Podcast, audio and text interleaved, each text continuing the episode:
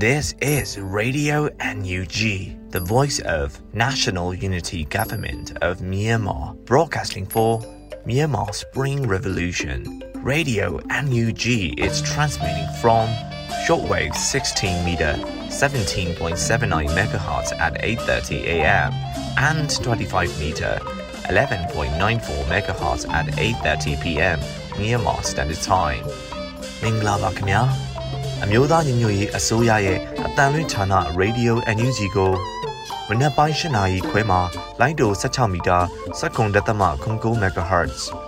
ညပိုင်း၈နာရီခွဲမှာလိုင်းတို25မီတာ17တက်သမ6 MHz တို့မှာဓာတ်ရိုက်ဖမ်းယူနိုင်နိုင်ပါပြီမင်္ဂလာအပေါင်းနဲ့ပြည့်စုံကြပါစေအခုချိန်ကစပြီး Radio NUG အစီအစဉ်တွေကိုဓာတ်ရိုက်အတန်မြင့်ပေးနေပါပြီ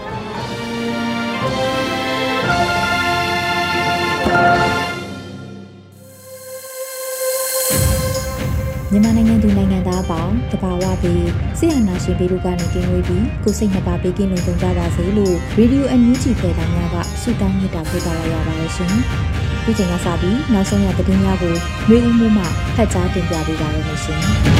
။မင်္ဂလာပါခင်ဗျာ။ Radio NUG ရဲ့မနက်ခင်းပြည်တွင်သတင်းများကိုဖတ်ကြားတင်ပြပေးပါတော့မယ်။အေးသတင်းများကိုမြေပြင်သတင်းတောင်ဝန်ခံနေနဲ့ခိုင်လုံသောမိဖက်သတင်းရင်းမြစ်တွေမှာ ပေါ်ပြလာသောချက်လက်များပေါ်အခြေခံပြုစုထားခြင်းဖြစ်ပါတယ်ခင်ဗျာကျွန်တော်ຫນွေဦးမိုးပါပထမဆုံးသတင်းတပုတ်အနေနဲ့ချင်းအမျိုးသားအတိုင်ပင်ခံကောင်စီနဲ့ NUG တို့တယံဇာတအုတ်ချုပ်စီမံမှုဆွေးနွေးပွဲကျင်းပမယ်ဆိုတဲ့သတင်းကို တင်ပြသွားပါမယ်မေလ25ရက်အမျိုးသားညီညွတ်ရေးအစိုးရတယံဇာတနဲ့တဘာဝပတ်ဝန်းကျင်ထိန်သိမ်းရေးဝန်ကြီးဌာနနဲ့ဂျားကာလာချင်းအမျိုးသားအတိုင်ပင်ခံကောင်စီ ပူးတွဲသတင်းထုတ်ပြန်ချက်အရ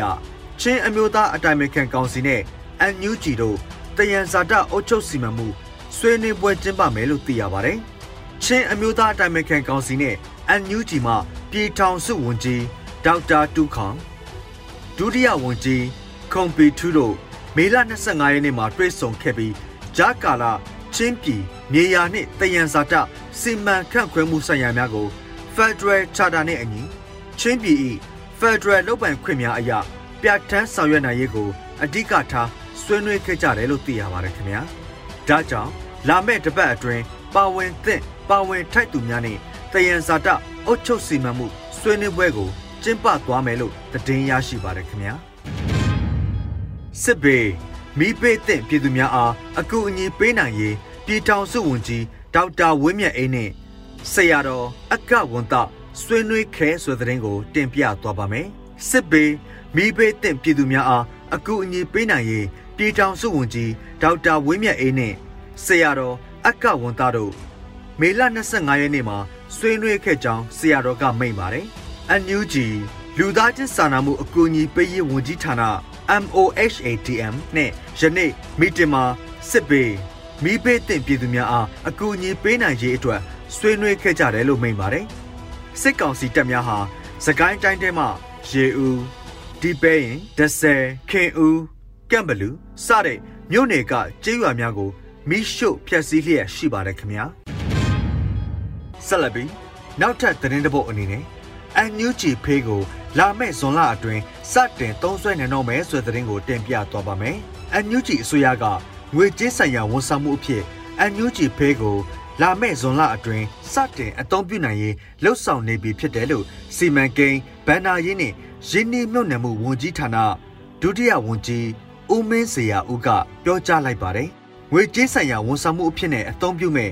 NUG Pay application ကိုပြည်သူတွေသုံးစွဲမှုလွယ်ကူစေရေးအတွက်လှုပ်ဆောင်သွားမှာဖြစ်သလိုဒီ application ကို November လကတည်းကလူငယ်နည်းပညာရှင်တွေနဲ့ပူးပေါင်းလှုပ်ဆောင်ထားတာဖြစ်ပြီး Android ရော iOS မှာပါအသုံးပြုနိုင်အောင်စီစဉ်နေတယ်လို့ဆိုပါတယ်။ NUG Pay application ကိုအသုံးပြုမယ်ဆိုရင် NUG Pay ဝန်ဆောင်မှုကိုယ်စားလှယ် agent တွေကတဆင့်ကုတ်နံပါတ်ကိုမြန်မာငွေကျပ်1000နဲ့စတင်ဝယ်ယူသုံးစွဲရမှာဖြစ်ပြီးတော့သုံးစွဲခွင့်ရတဲ့အချိန်မှာຫນွေဦးထီငွေတိုက်စာတုပ်အစရှိတဲ့ထောက်ပံ့ရေးအစီအစဉ်တွေကိုသုံးစွဲနိုင်မှာဖြစ်ပါတယ်။ဒါအပြင် NUG Pay အသုံးပြုသူအချင်းချင်းကြားမှာလည်းငွေလွှဲတာ ကုန်စည်ဝယ်ယူသုံးစွဲတာတွေကိုပြုလုပ်သွားနိုင်မှာဖြစ်ပါတယ်။လက်ရှိအချိန်မှာတော့မမြန်မာငွေကျပ်တစ်မျိုးတည်းသာသုံးစွဲနိုင်မှာဖြစ်ပြီးနောက်ပိုင်းမှာနိုင်ငံခြားငွေထုတ်ငွေလွှဲတွေအထက်ပါအသုံးပြုနိုင်အောင်လှုံ့ဆော်သွားမှာဖြစ်တယ်လို့သိရပါတယ်ခင်ဗျာအမှတ်ဆက်လေးအင်းရလက်နေအိမ်ရောင်းချမှုအစုရှယ်ယာတသိန်းရောင်းချတဲ့အနံလေးတောင်းစွန်းစွန်းသာကြံတော်ဆိုတဲ့တဲ့ကိုတင်ပြသွားပါမယ်အမှတ်ဆက်လေးအင်းရလက်နေအိမ်ရောင်းချမှု အစုရှယ်ယာတသိန်းရောင်းချတဲ့အနံလေးတောင်းစွန်းစွန်းသာကြံတော်ပြီး American Dollar 6တန်းပိုးနီးပါးရောင်းချထားတယ်လို့မေလနောက်ဆုံးပတ်မှာ End of Dealership ကကြေညာခဲ့ပါတယ်။ EOD share ရောင်းရငွေဟာဒေါ်လာ6တန်းပြည့်ဖို့အတော်လေးနီးကပ်လာပါပြီ။အစု share တသိန်းရောင်းချပေးတဲ့အနက်4000စွန်းစွန်းသာကျန်ပါတော့တယ်။ငွေကြေးစည်းစိမ်မှုအစဉ်ပြေချုံးမွေပြီးသားဖြစ်တဲ့ကိုယ်စားလှယ်များမှတစ်ဆင့်ရောင်းချခြင်းဖြစ်လို့ အာနာရှင်နိကုံအဆုံးသတ်ဖို့အတွက်စတင်သုံးနေပါပြီလို့ဆိုပါတယ်။ရန်ကုန်မြို့ရှိအကြမ်းဖက်ကောင်းဆောင်မင်းအောင်လှိုင်နေအိမ်အား EOD မှ American Dollar 10တန်းဖြင့်အစုရှယ်ယာများတစုလင်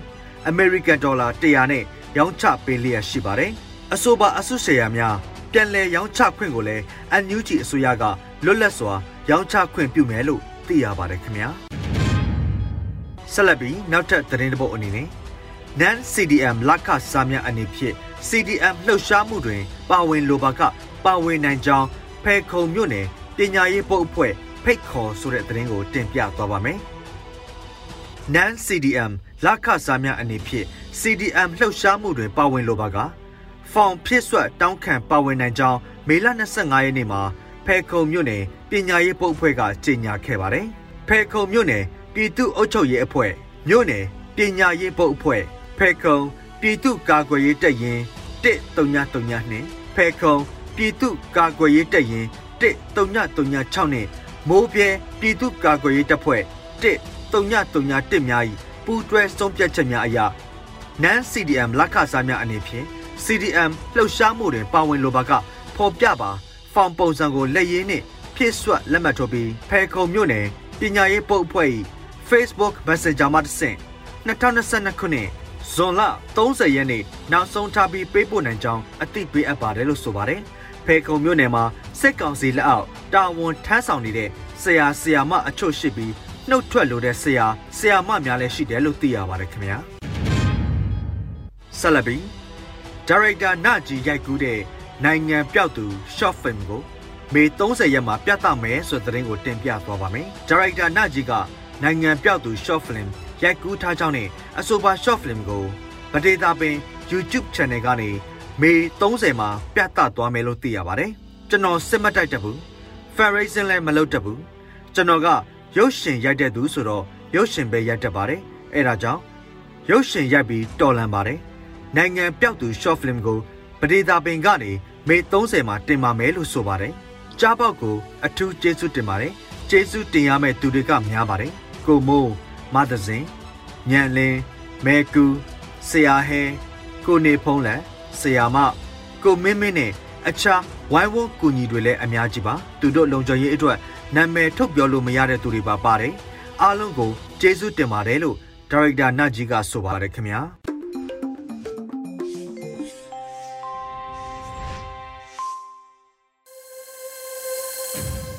ရေဒီယိုအန်ယူဂျီရဲ့မနက်ခင်းစီစဉ်တွေကိုဆက်လက်တင်ပြနေပါတယ်။ဒီနေ့ရဲ့မိုးမခဆောင်းပါးစီစဉ်မှာတော့ကမ္ဘာအင်အားကြီးနိုင်ငံတွေရဲ့မဟာဗျူဟာအကြားကြားရောက်နိုင်ချေဆိုတဲ့ဆောင်းပါးကိုတော့အဲရီမှဖတ်ကြားတင်ပြပေးပါမယ်ရှင်။မေ25ကမ္ဘာအင်အားကြီးနိုင်ငံတွေရဲ့မဟာဗျူဟာအကြားကြားရောက်နိုင်ချေ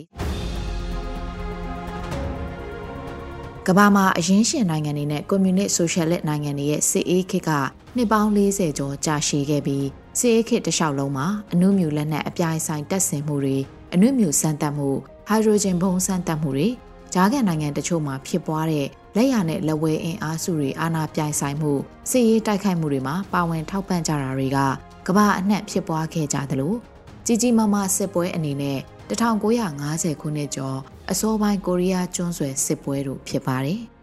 စစ်အေးတိုက်ပွဲအစပြုခဲ့တာကတော့ဒုတိယကမ္ဘာစစ်အပြီးအရှေ့ဥရောပနိုင်ငံတွေကိုဆိုရှယ်လစ်နိုင်ငံတွေအဖြစ်ဆိုဗီယက်ရုရှားကနောက်ွယ်ကစီစဉ်ထူထောင်ခဲ့တယ်လို့တချို့နိုင်ငံတွေမှာတောင်နဲ့မြောက်အရှေ့နဲ့အနောက်နှစ်ပိုင်းခွဲခြားပြီး Socialist Communist နိုင်ငံကတပိုင်းအရင်းရှင်စနစ်နိုင်ငံကတပိုင်းခွဲခြားပြီးထောက်ပံ့အားပြိုင်ခဲ့ကြတာဖြစ်ပါတယ်။ကမ္ဘာလုံးဆိုင်ရာစစ်အေးတိုက်ပွဲရဲ့မဟာဗျူဟာမှာတော့ဒီမိုကရေစီအရေးလွတ်လပ်တဲ့ဈေးကွက်စီးပွားရေးစနစ်အရေးကိုကင်ဆွဲတယ်ဆိုတာထက် ကွန်မြူနစ်နိုင်ငံဖြစ်မသွားရေးဆိုရှယ်လစ်နိုင်ငံဖြစ်မသွားရေးအရှိအုပ်စုလို့ခေါ်တဲ့ဆိုဗီယက်အုပ်စုဝင်နိုင်ငံဖြစ်မသွားရေးကိုပိုအဓိကထားခဲ့ကြတာလည်းဖြစ်ပါတယ်။အဲ့ဒီခေတ်မှာဆိုဗီယက်ကအရှိဥရောပကຫນွေဦးတော်လှန်ရေးလို့ခေါ်တဲ့ Socialist Communist အစိုးရဖြုတ်ချပြီးလူထုကြိုက်အစိုးရတင်မြှောက်ရေးလှုပ်ရှားမှုတွေကိုစစ်အင်အားနဲ့ဝင်ရောက်ဆွတ်ဖက်ခဲ့တာလည်းဖြစ်ပါတယ်။အဲ့ဒီအဖြစ်အပျက်တွေဟန်ဂေရီຫນွေဦးတော်လှန်ရေးကထင်ရှားပါတယ်။ စစ်အေးတိုက်ပွဲကာလတွေအတွင်းကမ္ဘာစစ်ဖြစ်လို့နီးနီးအခြေအနေမျိုးလဲ1962ခုနှစ်ကျူးဘာအရေးအခင်းမှာဖြစ်ပွားခဲ့ပူပါတယ်။ဗီယက်နမ်နိုင်ငံကိုလည်းပြင်သစ်လက်အောက်ကလွတ်မြောက်ပြီးကွန်မြူနစ်နိုင်ငံအဖြစ်ထူထောင်မှာကိုမလိုလားတာကြောင့်အမေရိကန်ပြည်ထောင်စုကဝင်ရောက်တိုက်ခိုက်ခဲ့ရာကဆယ်စုနှစ်တခုမကစစ်ပွဲတဲ့လူအင်အားစစ်လက်နက်ငွေအင်အားအများအပြားသုံးပြီးဝင်ရောက်တိုက်ခိုက်ခဲ့ရာကနောက်ဆုံးအရှုံးနဲ့ဆုတ်ခွာခဲ့ရတဲ့အဖြစ်အပျက်တွေရှိခဲ့ပါတယ်။ လက်တင်အမေရိကမှာအာဖရိကနိုင်ငံတချို့မှာအာရှနိုင်ငံတွေမှာစစ်အေးတိုက်ပွဲရဲ့တိုက်ပွဲစစ်မြေပြင်တွေဖြစ်ခဲ့ကြတာအများအပြားရှိခဲ့ပါတယ်။ကွန်မြူနစ်ဆိုရှယ်လစ်နိုင်ငံမဖြစ်ရေးအတွက်တိုင်းပြည်ကိုအာဏာရှင်စနစ်နဲ့ဖိနှိပ်အုပ်ချုပ်သူတချို့ကိုလည်းအမေရိကန်နဲ့အနောက်အုပ်စုတချို့ကမဟာမိတ်အဖြစ်အတိမတ်ပြုဆက်ဆံအားပေးခဲ့ကြတဲ့တာရကတွေလည်းစစ်အေးခေတ်တလျှောက်မှာတွေ့ရမှာဖြစ်ပါတယ်။ မြန်မာနိုင်ငံမှာတောင်1962ခုနှစ်စစ်အာဏာသိမ်းပြီးတက်လာတဲ့မြန်မာနီမြန်မာဟန်ဆိုရှယ်လစ်ဝါဒအမိခံထားတဲ့စစ်အာဏာရှင်ကိုတရုတ်နဲ့မနီးစပ်တာကွန်မြူနစ်သဘုံတွေကိုစန့်ကျင်တိုက်ခိုက်တာရုရှားရဲ့အုပ်စုဝင်မဟုတ်တာတွေကြောင့်အားပေးခဲ့မဟာမိတ်ပြုခဲ့ကြတာဖြစ်ပါတယ်။အလားတူဖိလစ်ပိုင်နိုင်ငံမှာလည်းဆယ်စုနှစ်အများစွာစစ်အုပ်ချုပ်ရေးနဲ့အုပ်ချုပ်ခဲ့တဲ့ဖာဒီနန်မာကိုစ်လိုအာနာရှင်ကိုလည်းစစ်အေးတိုက်ပွဲရဲ့ဖြူဟာအရ အမေရိကန်ကမဟာမိတ်အဖြစ်အားပေးအားမြောက်ပြုခဲ့ကြတဲ့တာရကရှိတာဖြစ်ပါတယ်။ဒါတွေကကမ္ဘာလုံးဆိုင်ရာမဟာဗျူဟာအားပြိုင်မှုတွေမှာဒီမိုကရေစီလူအခွင့်အရေးဆိုတဲ့စံနှုန်းတွေထက်တစ်ဖက်ကအင်အားစုကိုစန့်ကျင်တဲ့အစိုးရတွေအာဏာရှင်တွေဘာဖြစ်နေနေမဟာမိတ်ပြုကြတဲ့အကျိုးစီးပွားအခြေခံတဲ့မူဝါဒတွေကိုသတိပြုနိုင်ကြဖို့ရည်ရွယ်လိုရင်းဖြစ်ပါတယ်။အခုလက်ရှိအခြေအနေမှာလည်းကမ္ဘာမှာဒုတိယစစ်အေးကာလပြန်လည်စတင်လာတော့မလားဆိုတဲ့စိုးရိမ်မှုတွေပေါ်ထွက်လာနေတယ်လို့ အဲ့ဒီအခင်းချင်းမတိုင်ခင်ကတည်းကစီးပွားရေးစစ်ရေးအင်အားကြီးထွားလာတဲ့တရုတ်နိုင်ငံကိုကန့်တက်ဖို့ရည်ရွယ်တဲ့အမေရိကန်ပြည်ထောင်စုရဲ့မဟာဗျူဟာအခင်းချင်းကရှိနေပြီးဖြစ်ပါတယ်။အင်ဒိုပစိဖိတ်ဒေသတောင်အာရှဒေသမှာ Quad လို့ခေါ်တဲ့လေးနိုင်ငံမဟာမိတ်အဖွဲ့ AUKUS လို့ခေါ်တဲ့ Britain, US နဲ့ Australia တို့ရဲ့မဟာမိတ်အဖွဲ့တွေပေါ်ထွက်လာပြီးအရှေ့တောင်အာရှအင်ဒိုပစိဖိတ်ဒေသမှာမဟာဗျူဟာအခင်းချင်းတွေပေါ်ထွက်လာနေတာဖြစ်ပါတယ်။ ဒီနေရာမှာပြောဆိုခြင်းနဲ့ရည်ရွယ်ချက်ကမြမဒီမိုကရေစီအရေးစစ်အာဏာရှင်ဆန့်ကျင်ရေးလှုပ်ရှားမှုကအထက်ကကမ္ဘာလုံးဆိုင်ရာမဟာဗျူဟာရဲ့အုပ်စုအားပြိုင်မှုမဟာဗျူဟာအကြားနေရုပ်အဖြစ်အသုံးချမခံရရေးပဲဖြစ်ပါတယ်။တဲ့တဲ့ပြောရရင်တရုတ်နဲ့အမေရိကန်ရဲ့အားပြိုင်မှုကြားမှာမြမဒီမိုကရေစီအရေးလှုပ်ရှားမှုကတိုက်ပွဲအားပြိုင်ရာအဖြစ်အပျက်အဖြစ်ကြားရောက်မသွားဖို့မြမနိုင်ငံရေးကောင်းဆောင်တွေတတိပြုမိကြဖို့အရေးကြီးလာပါတယ်။ မြန်မာဒီမိုကရေစီအရေးကိုအမေရိကန်ပြည်ထောင်စုကထောက်ခံတယ်ဆိုတာမှန်ပေမဲ့တစ်ဖက်မှာမြန်မာနိုင်ငံကတရုတ်နဲ့အိမ်နီးချင်းဖြစ်နေတာတိုင်းရင်းသားလက်နက်ကိုင်အဖွဲ့တချို့ဟာတရုတ်နိုင်ငံကိုမဟာဗျူဟာအရမိခိုနေရတာကိုလည်းသတိမမေ့ဖို့အရေးကြီးပါတယ်။ NUG အစိုးရအနေနဲ့ဒီမိုကရေစီလှုပ်ရှားသူတွေအနေနဲ့အင်အားကြီးနိုင်ငံတွေနဲ့ဆက်ဆံရမှာအထူးတလဲသတိပြုဖို့လိုအပ်တာကမြန်မာနိုင်ငံရဲ့အကျိုးစီးပွားဖြစ်ပြီးကမ္ဘာလုံးဆိုင်ရာအားပြိုင်မှုမဟာဗျူဟာအကျိုးစီးပွားမဟုတ်ပါဘူး အဲ့ဒီဥတီချက်တွေကိုရှင်းလင်းစွာနားလည်ထားပြီးကမ္ဘာနိုင်ငံကြီးတွေရဲ့အားပြိုင်မှုကြားကနေရုပ်ဖြစ်မသွားရေးကအရေးကြီးတယ်လို့ဆိုချင်ပါတယ်။ချုပ်ပြောရရင်တော့အင်အားကြီးနိုင်ငံတွေအနေနဲ့မြန်မာဒီမိုကရေစီအရေးကိုထောက်ခံအားပေးကြတာဝမ်းသာအားတက်စရာဖြစ်ပေမဲ့လည်းမြမအရှိထက်ပိုပြီးကြီးမားတဲ့အကျိုးစီးပွားဆိုင်ရာမဟာဗျူဟာအခင်းကျင်းကြတဲ့နေရုပ်အဖြစ်ကြားရောက်မဲ့အရေးကိုလည်းမျှော်တွေးထောက်ချင်နိုင်မှုအရေးကြီးတယ်လို့ဆိုချင်ပါတယ်။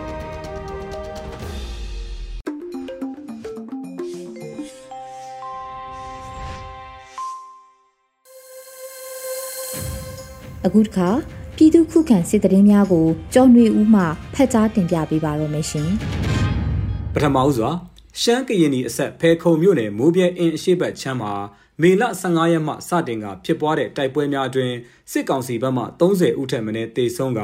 KNDF ရဲဘော်တဦးနဲ့ဖဲခုံ PDF တပ်ရင်း2မှရဲဘော်2ဦးကြာဆုံးခဲ့ကြောင်းသတင်းရရှိပါရယ်။ မေလ12ရက်နနက်မှာထီရိကျေးရွာရှိအကျန်းဖတ်စစ်ကောင်စီတပ်နဲ့လက်ပါစီ PNO ပြည်သူ့စစ်များတက်ဆွဲထားတဲ့ဂိတ်စခန်းကိုကရင်နီပူးပေါင်းအဖွဲ့ကဝင်ရောက်တိုက်ခိုက်ရာစစ်ကောင်စီတပ်နဲ့ PNO ဘက်မှဗိုလ်မှူးအပါအဝင်15ဦးသေဆုံးပြီး9ဦးကိုကရင်နီတပ်ဖွဲ့များကအရှင်ဖမ်းမိခဲ့ပြီးနောက်စစ်ကောင်စီတပ်ဟာအင်အားအလုံးရင်းဖြင့်အင်းအရှိဘတ်ချမ်းကျေးရွာများကိုထိုးစစ်ဆင်လာပြီးတိုက်ပွဲများပြင်းထန်ခဲ့ခြင်းပါ မေလ24ရက်နနက်4:20ခန့်မှာစီမီလော်ရွာတောင်ဘက်ရှိစစ်ကောင်စီတပ်စခန်းကိုကရင်နီပူးပေါင်းတပ်ဖွဲ့များမှတွားရောက်ရှင်းလင်းခဲ့ရာစစ်သားများဆုတ်ခွာသွားတော့လဲမြေမြုပ်မိုင်းများထောင်ခဲ့ခြင်းကြောင့်ကရင်နီပူးပေါင်းတပ်ဖွဲ့များကရှင်းလင်းခဲ့ရကြောင်းကရင်နီအမျိုးသားများကာကွယ်ရေးတပ် KNDF တပ်ရင်း3ကသတင်းထုတ်ပြန်ပါတယ်။အဆိုပါစခန်းကိုကရင်နီတပ်ဖွဲ့ကရှင်းလင်းနေစဉ်မိုးပြက်အခြေဆိုင်စစ်ကောင်စီရဲ့ခမရ၄နှစ်နှစ်တပ်ရင်းမှလက်နက်ကြီးများဒရက်ဆက်ပစ်ခတ်ခဲ့ကြောင်း KNDF တပ်ရင်း3ကဆိုပါတယ်။ မိုးပြက်အင်းအရှိဘက်ကမ်းမှာဖြစ်ပွားတဲ့တိုက်ပွဲများတွင်အကြမ်းဖက်စစ်တပ်ကို KNDF တပ်ရင်း3တပ်ရင်း2တပ်ရင်း7ကရင်နီတပ်မတော် KA SSRY ဖေခုံ PDF တပ်ရင်း2တို့ကပူးပေါင်းခုခံတိုက်ခိုက်ခဲ့ကြောင်းသိရှိရပါတယ်။ဆက်လက်တင်ဆက်မှာက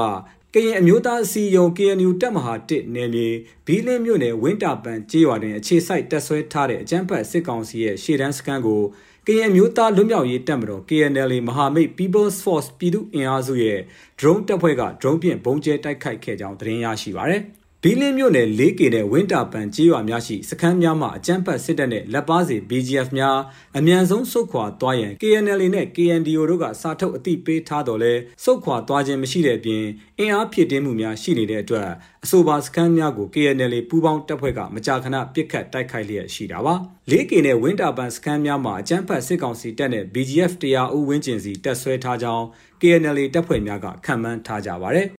စကိုင်းတိုင်းချောင်းဦးမြို့နယ်မှာကင်းမွန်းတော်ပြူစောတိကြီးရွာရှိစစ်ကောင်စီလက်နက်ကင်များနဲ့ပြူစောတိအင်အား90ခန့်ဟာမဲတဲကျိုးကွင်းသို့ထွက်ခွာ၍ပြည်သူပိုင်နေအိမ်များကိုခိုးယူလူရက်နေတာကြောင့်၁၀ကြိမ်မိုင်းဆွဲတိုက်ခိုက်ရာစစ်သားစုစုပေါင်း36ဦးထိခိုက်ဒေဆုံးခဲ့ကြောင်းသိရှိရပါတယ်။စစ်ကောင်စီလက်နက်ကင်90ခန့်ဟာချောင်းဦးမြို့ရဲ့တောင်ဘက်အမြင့်လမ်းခွဲမှအနောက်ဘက်သို့ရိတ်ခါအပြည့်အစုံဖြင့်ဆင်းလာခဲ့ကြောင်း အဆိုပါစစ်ကြောင်းကိုချောင်းဦးပြည်သူ့ကာကွယ်ရေးတပ်ဖွဲ့ CHU PDF နဲ့ CMWA မှရဲဘော်များကမိုင်းဆွဲတိုက်ခိုက်ရာမိုင်းပွိုင်1တွင်စစ်သား3ဦးမိုင်းပွိုင်2တွင်စစ်သား4ဦးမိုင်းပွိုင်3တွင်ထိခိုက်မှုမရှိမိုင်းပွိုင်4တွင်စစ်သား2ဦးတေဆုံးကြောင်းသိရှိရတာပါတေဆုံးသွားတဲ့အလောင်းများကိုထော်လာကြီးများဖြင့်မြို့ရင်းသို့ပြန်လည်တည်ဆောင်ပြီးနောက်အဆိုပါစစ်ကြောင်းဟာမဲသေးကျိုးကွင်းရှိပြူစစ်ကြောင်းသို့တွားရောက်ပူးပေါင်းလှုပ်ရှားတာကြောင့် PDF များကထပ်မံမိုင်းဆွဲတိုက်ခိုက်ရာ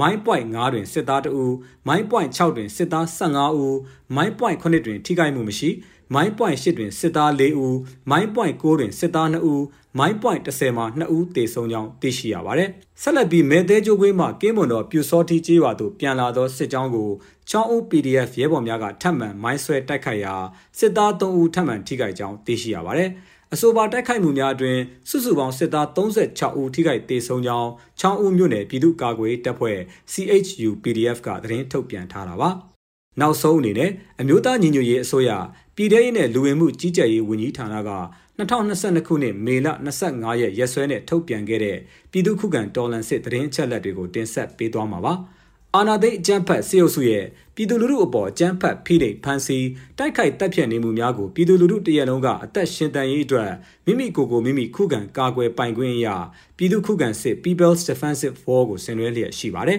။သတင်းအချက်အလက်များအရ2022ခုနှစ်မေလ24ရက်အင်္ဂါနေ့မှာစစ်ကောင်စီတပ်ဖွဲ့ဝင်46ဦးသေဆုံးပြီးထိခိုက်ဒဏ်ရာရရှိသူ26ဦးအထိခုခံတိုက်ခိုက်နိုင်ခဲ့ပါတယ်။ စစ်အာဏာရှင်စနစ်မြမမြေပေါ်မှာအပြည့်တိုင်ချုပ်ငြိမ်းရေးနဲ့ Federal Democracy တည်ဆောက်ရေးအတွက်ငြိမ်းချမ်းစွာဆန္ဒပြတဲ့လူထုတပိတ်တိုက်ပွဲများကပြည်내နဲ့တိုင်းဒေသကြီးများမှာဆက်လက်ဖြစ်ပွားပေါ်ပေါက်လျက်ရှိပါတယ်။မြေပြင်မှာတော့ယခုတွေ့ရတဲ့သတင်းအချက်အလက်များထက်ပို၍ဖြစ်ပွားနိုင်ပါတယ်ခင်ဗျာ။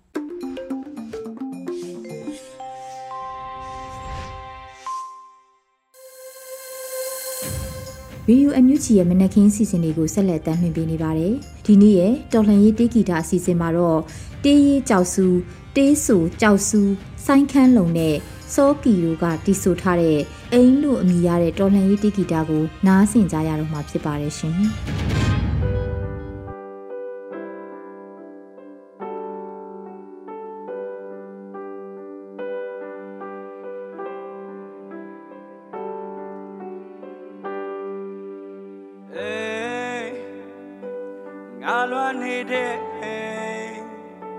ပြန်မရောက်နိုင်သေးတဲ့အိမ်အိမ်မျိုးသိလွှမ်းနေသားစုနဲ့ကြည်နူခဲ့ရသောအိမ်ပျော်ရွှင်ခဲ့ရသောအိမ်အိမ်ပြန်ခြင်းမိတယ်ကြံနိုင်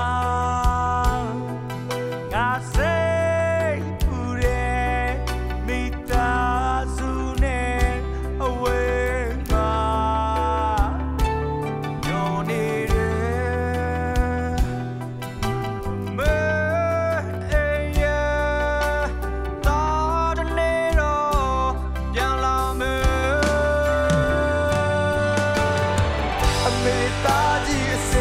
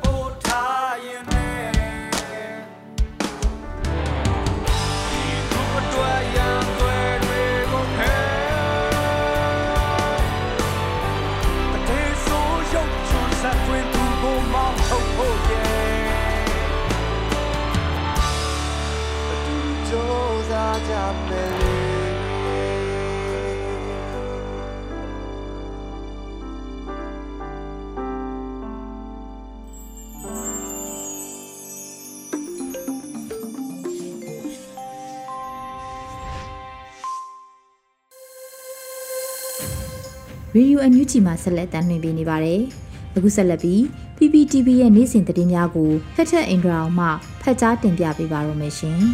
။ပထမဆုံးတင်ဆက်ပေးမှာကတော့အကြမ်းဖက်စစ်ကောင်စီကိုနိုင်ငံတကာကမြန်မာနိုင်ငံအတွင်းအစုလိုက်ပြုံလိုက်တပ်ဖြတ်မှုတွေရဲ့ကြီးမားတဲ့ရာဇဝတ်မှုတရက်ခံအဖြစ်သတ်မှတ်ထားတယ်လို့အမျိုးသားညီညွတ်ရေးအစိုးရလူ့ခွင့်ရေးဆိုင်ရာဝန်ကြီးဌာနကထုတ်ပြန်လိုက်ပါတယ်။အစိုးလိုက်ပြောင်းလိုက်တက်ဖြတ်ခြင်းဆိုတာနိုင်ငံတကာအနေနဲ့ကြီးမားတဲ့ရာဇဝတ်မှုအနေဖြင့်သတ်မှတ်ထားပြီးတော့ မကြသေးခင်ကာလအတွင်းကမြန်မာနိုင်ငံမှာရှိတဲ့အစိုးလိုက်ပြောင်းလိုက်တက်ဖြတ်မှုတွေရဲ့တရခမ်းများဖြစ်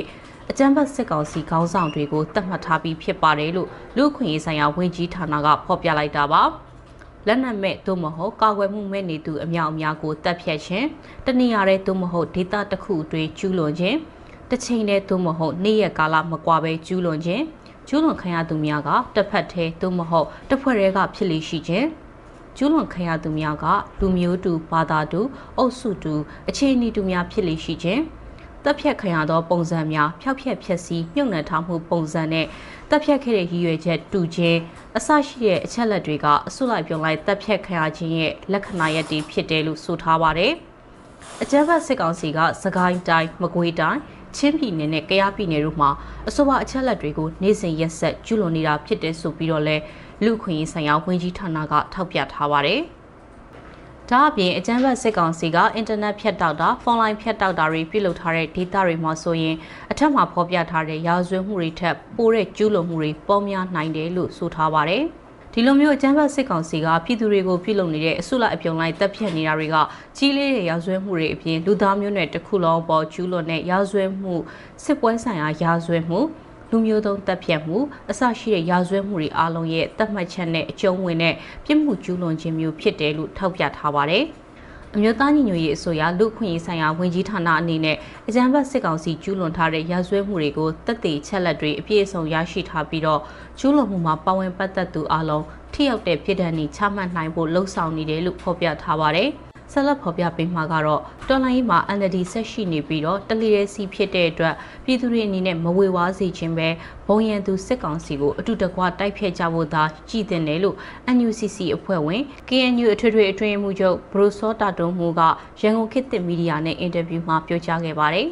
အမျိုးသားညီညွတ်ရေးကောင်စီ NUCC မှာ NLD ပါဝင်ခြင်းမပါဝင်ခြင်းဆိုတဲ့အခြေအနေတွေနဲ့အငင်းပွားမှုဖြစ်ပေါ်နေတာနဲ့ပတ်သက်ပြီးမေးမြန်းချက်ကိုဖြေကြားခဲ့ခြင်းဖြစ်ပါတယ်။ NLD နဲ့ပတ်သက်ပြီးတော့လက်ရှိမှာ NUCC ကနှုတ်ထွက်သွားပြီးတော့မဟာမိတ်အနေနဲ့ယက်တီမယ်ဆိုတဲ့သတင်းတွေထွက်ပေါ်နေတဲ့အပေါ် NLD ဗဟိုအလုံးမှုဆောင်လည်းဖြစ် CRPH ဥက္ကဋ္ဌလည်းဖြစ်တဲ့ဦးအောင်ကြီးညွန့်က NLD က NUCC ကနေနှုတ်ထွက်တာမဟုတ်ဘူးလို့ဖြေရှင်းခဲ့ပါတယ်။ NUCC မှာအဖွဲ့ပေါင်း33ဘွဲပါဝင်နေဆိုပေမဲ့ပြင်ပကအဖွဲ့အစည်းတွေလည်းအများကြီးပါဝင်ပြီးအရေးကြီးတာကဆရာနာရှင်စနစ်ကိုတော်လှန်ဖို့အတွက်ဘုံရက်တီကျဲခိုင်ခိုင်မာမာရှိကြပြီးဆိုရင်ဘုံရန်သူကိုအတူတကွဆန့်ကျင်ပြီးဘလို့တိုက်ဖျက်ကြမလဲဆိုတဲ့အခြေခံပေါ်မှာပဲကြည်တင်တယ်လို့ KNU ရဲ့အထွေထွေအတွင်းမှုကျော်ဘရိုစောတာတုံမှုကပြောပါရယ်အခုဆက်လက်တင်ဆက်ပေးမှာကတော့ကုလသမဂ္ဂရဲ့ထုတ်ပြန်ထားတဲ့စီးရင်တွေအရ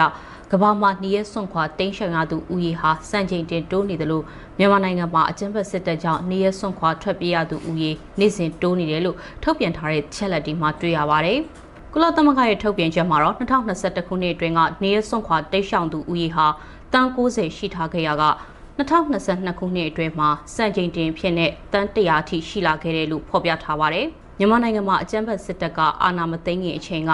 နေရစွန့်ခွာထွက်ပြေးတင်းရှောင်ရသူ၃သိန်းခွဲကျော်သာရှိထားရကနေမင်းအောင်လှိုင်ဦးဆောင်တဲ့အကြမ်းဖက်စစ်ကောင်စီရောက်နေရစွန့်ခွာထွက်ပြေးရသူ6သိန်းနီးပါးထိရှိလာတာကြောင့်လူဦးရေတသန်းနီးပါးနေရစွန့်ခွာထွက်ပြေးတင်းရှောင်နေရပါတယ်။နေရစွန့်ခွာထွက်ပြေးတင်းရှောင်ရသူတိုးလာတဲ့နိုင်ငံတွေဟာမြန်မာနိုင်ငံ၊အာဖဂန်နစ္စတန်၊ကွန်ဂို၊အီသီယိုးပီးယား၊နိုင်ဂျီးရီးယားနဲ့ဘာကီနာဖာဆိုနိုင်ငံတွေဖြစ်တယ်ဆိုပြီးဖော်ပြထားပါတယ်။ကုလသမဂ္ဂဖွံ့ဖြိုးရေးအစီအစဉ်ရဲ့ထုတ်ပြန်ချက်တွေအရ မြန်မာနိုင်ငံမှာလူဦးရေ54သန်းရှိတဲ့အထက်က25တန်းဟာဆင်းရဲမွဲတေမှုနဲ့ကြုံတွေ့နေရသလိုလူဦးရေ14တန်းကျော်ကအရေးပေါ်အကူအညီထောက်ပံ့မှုတွေလိုအပ်နေတယ်လို့ဖော်ပြထားပါတယ်။ဒီကနေ့ကတော့ဒီညနေပဲ Radio NUG ရဲ့အစည်းအဝေးကိုခਿੱတရနာလိုက်ပါမယ်။မြန်မာစံတော်ချိန်မနက်၈နာရီခွဲနဲ့ည၈နာရီခွဲအချိန်တွေမှာပြန်လည်ဆုံးဖြတ်ကြပါစို့။ Radio NUG ကိုမနက်ပိုင်း၈နာရီခွဲမှာလိုင်းဒို16မီတာစက္ကန့်တသမ9 MHz ညပိုင်း၈နာရီခွဲမှာလိုင်းတုံ25မီတာ17.6 MHz တို့မှာဓာတ်ရိုက်ဖမ်းယူနားဆင်နိုင်ပါပြီ။မြန်မာနိုင်ငံသူနိုင်ငံသားများကိုယ်စိတ်နှပြကျန်းမာချမ်းသာလို့ဘေးကင်းလုံခြုံကြပါစေလို့ Radio NUG အဖွဲ့သူအဖွဲ့သားများကဆုတောင်းလိုက်ရပါတယ်။အမျိုးသားညီညွတ်ရေးအစိုးရရဲ့စက်သွေးရေးတရင်အချက်အလက်နဲ့ဤပညာဝန်ကြီးဌာနကထုတ်လွှင့်နေတဲ့ Radio NUG ဖြစ်ပါတယ်။ San Francisco Bay Area အခြေစိုက်မြန်မာမိသားစုများနဲ့ နိုင်ငံတကာကစေတနာရှင်များလှုပ်အားပေးများရဲ့ Radio NUG ဖြစ်ပါတယ်။အရေးတော်ပုံအောင်ရမည်